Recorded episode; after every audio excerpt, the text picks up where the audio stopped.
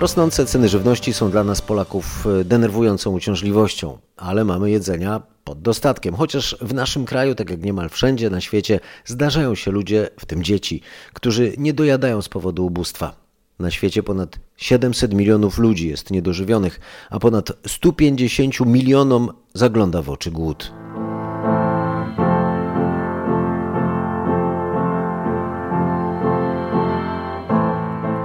W ciągu trwania tego odcinka podcastu na całym świecie głód zabije jakieś pół tysiąca osób.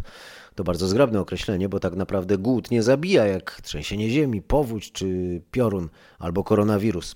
Głodowi jesteśmy winni my, ludzkość, zorganizowana w morderczą, pomyloną machinę wyzysku ludzi i zasobów, obwieszoną hasłami rozwoju i dobrobytu.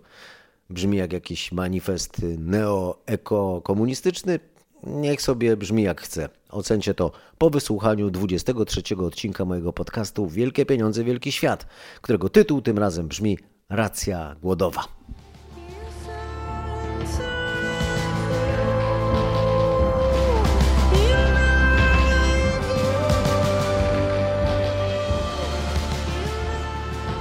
Działająca w ramach ONZ Organizacja Światowy Program Żywnościowy alarmuje, że w czasie pandemii liczba zagrożonych głodem wzrosła dwukrotnie. W tym samym czasie łączny majątek kilkuset dolarowych miliarderów zwiększył się o 1,5 biliona dolarów.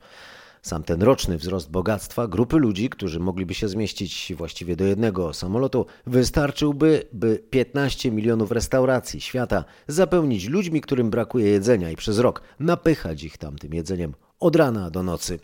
W czasie pandemii łączny majątek miliarderów urósł z 3 bilionów do niemal 4,5 biliona dolarów. Te 4,5 biliona dolarów to niemal tysiąc razy więcej niż Światowy Program Żywnościowy chciałby wydać w tym roku na ratowanie milionów ludzi od śmierci głodowej.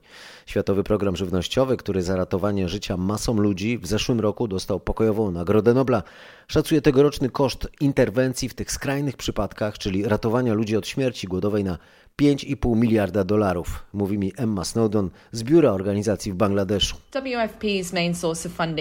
Głównym źródłem finansowania są dla nas dotacje rządów, ale uzyskujemy też część pieniędzy od prywatnych partnerów, w tym od osób fizycznych, które przekazują środki, by wesprzeć nasze działania.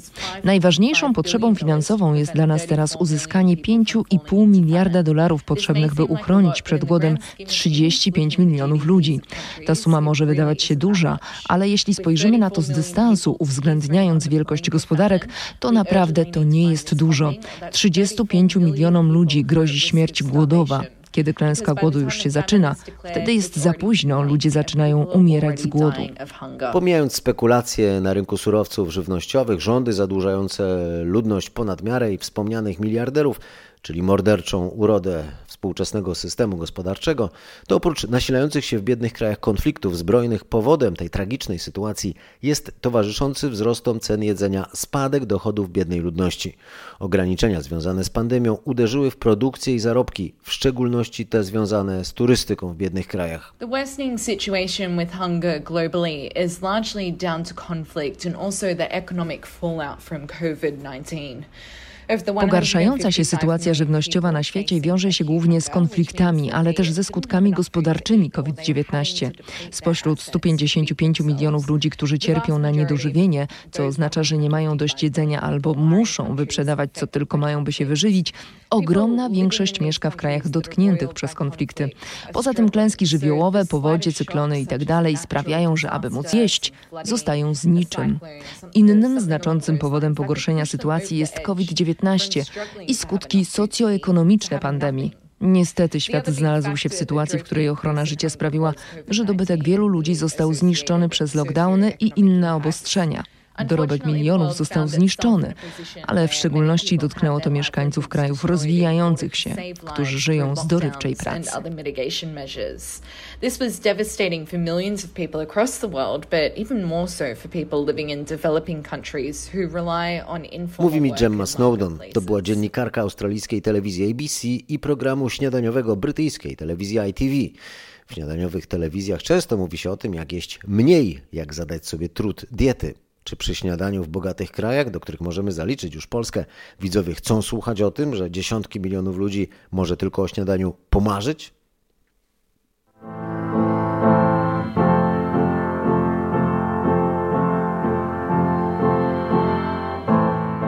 To wspomniane półtora biliona dolarów wzrostu bogactwa w jeden rok, kilkuset osób. To przede wszystkim rezultat inflacji na rynku akcji. Pieniądze drukowane w bogatych krajach w czasach pandemii w dużej mierze trafiają na giełdy. W tym samym czasie setki milionów ludzi mają jeszcze mniej dochodów i dosłownie nie mają co do garnka włożyć, o ile w ogóle mają garnek. Dla ludzi z biednych krajów gospodarcze skutki pandemii okazały się miażdżące. Pracujący na czarno na nieformalnych rynkach nie mają mają żadnych gwarancji zatrudnienia.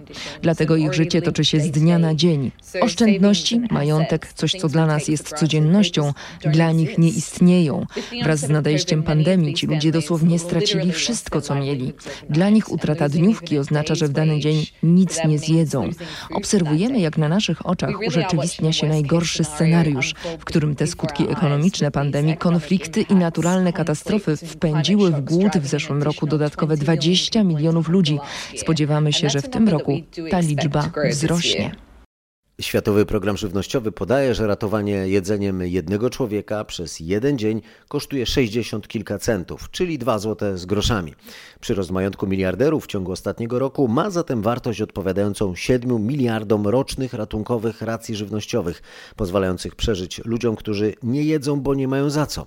To uproszczenie, które zakłada wprost, że za majątki rosnące w giełdowych bańkach można wyżywić głodujących, ale chyba dobitnie obrazuje okrutny absurd światowego systemu gospodarczego. Przez ostatnie lata ONZ chwaliła się, że systematycznie spada liczba głodujących na świecie. Ludzi szybko przybywa, za dwa lata ma być nas 8 miliardów, ale produkcja żywności też rośnie i nawet przy obecnym modelu gospodarowania ziemią, uprawami, hodowlą nie powinno być problemu z wyżywieniem całej ludzkości. Problem jednak jest. Nie tylko istnieje, ale ma skalę masową. Prawie jedna dziesiąta ludzkości nie jest syta. ONZ spodziewa się wzrostu liczby niedożywionych do miliarda w 2030 roku.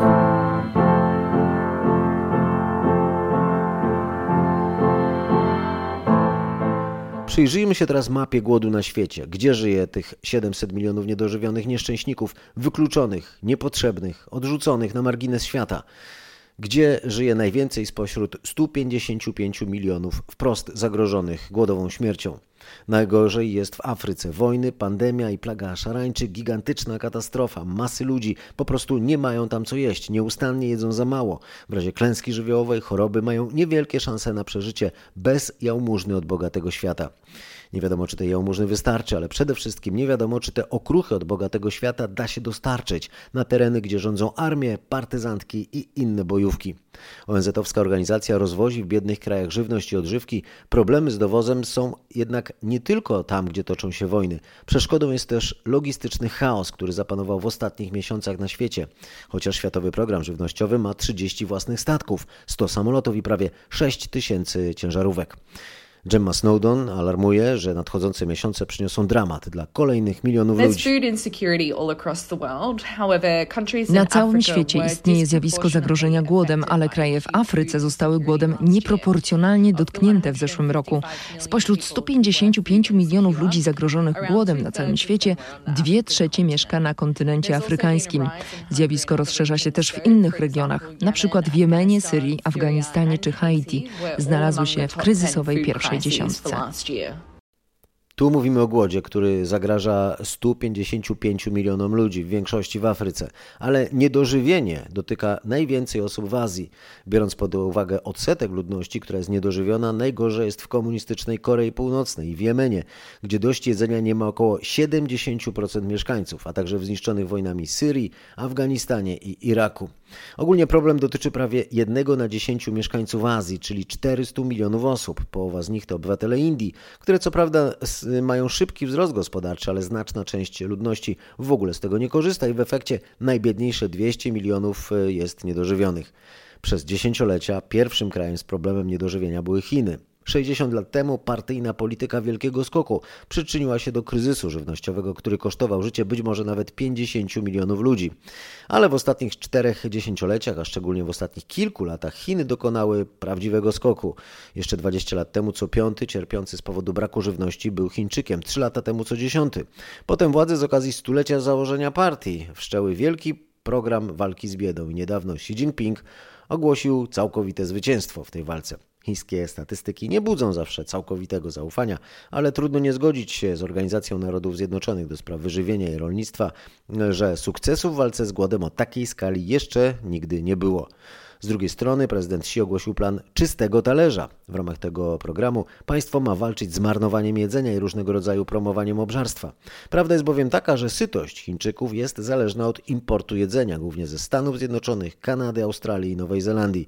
Chiny szukają więc możliwości sprowadzenia żywności skąd się tylko da, a to przyczynia się do wypychania miejscowych w biednych krajach z ziemi, już nie tylko przez zachodnie koncerny rolnicze. No i wywiera dodatkową presję na światowe ceny żywności.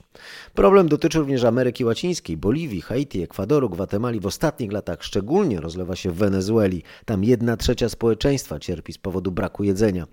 Pandemia sprawiła też, że problem bardzo nasilił się w fawelach Brazylii. Podobnie jak wiele milionów mieszkańców indyjskich slumsów, mieszkańcy czerpią tam dochody z dorywczej pracy, o którą jak słyszeliście, coraz trudniej. Więc władze organizują masowy program żywienia za darmo. Ludzie stoją już nad ranem w długich kolejkach, by dostać po wielu godzinach pudełko z makaronem, ryżem, mięsem, dwie paczki herbatników i karton mleka na rodzinę.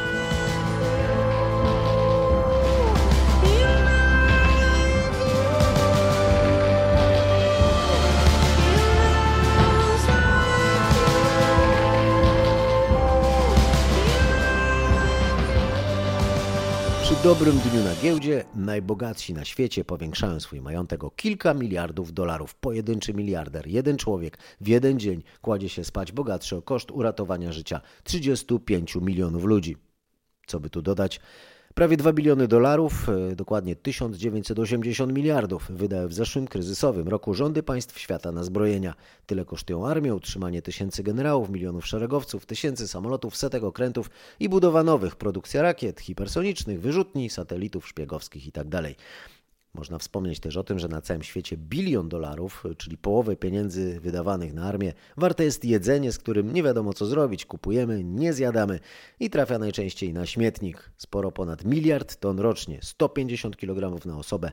W Polsce znacznie więcej na głowę statystycznego mieszkańca. W internecie dostępne są rozmaite liczniki, odliczają dług publiczny, liczbę mieszkańców Ziemi. Ostatnio zgrozę budzą liczniki zgonów na COVID-19.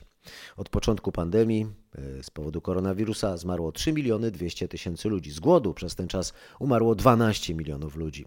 COVID omija dzieci. Co 10 sekund z głodu umiera gdzieś dziecko. Tych, którzy są chorzy i umierają, bo są e, niedożywieni, jest znacznie więcej. Mamy brzuchy wypchane jedzeniem, a głowy szkolną i codzienną edukacją, wiedzą o sprawach i wydarzeniach, które są kompletnie nieważne w obliczu masowej, powolnej śmierci z głodu. To był 23 odcinek podcastu Wielkie Pieniądze, Wielki Świat. Racja głodowa. Do usłyszenia.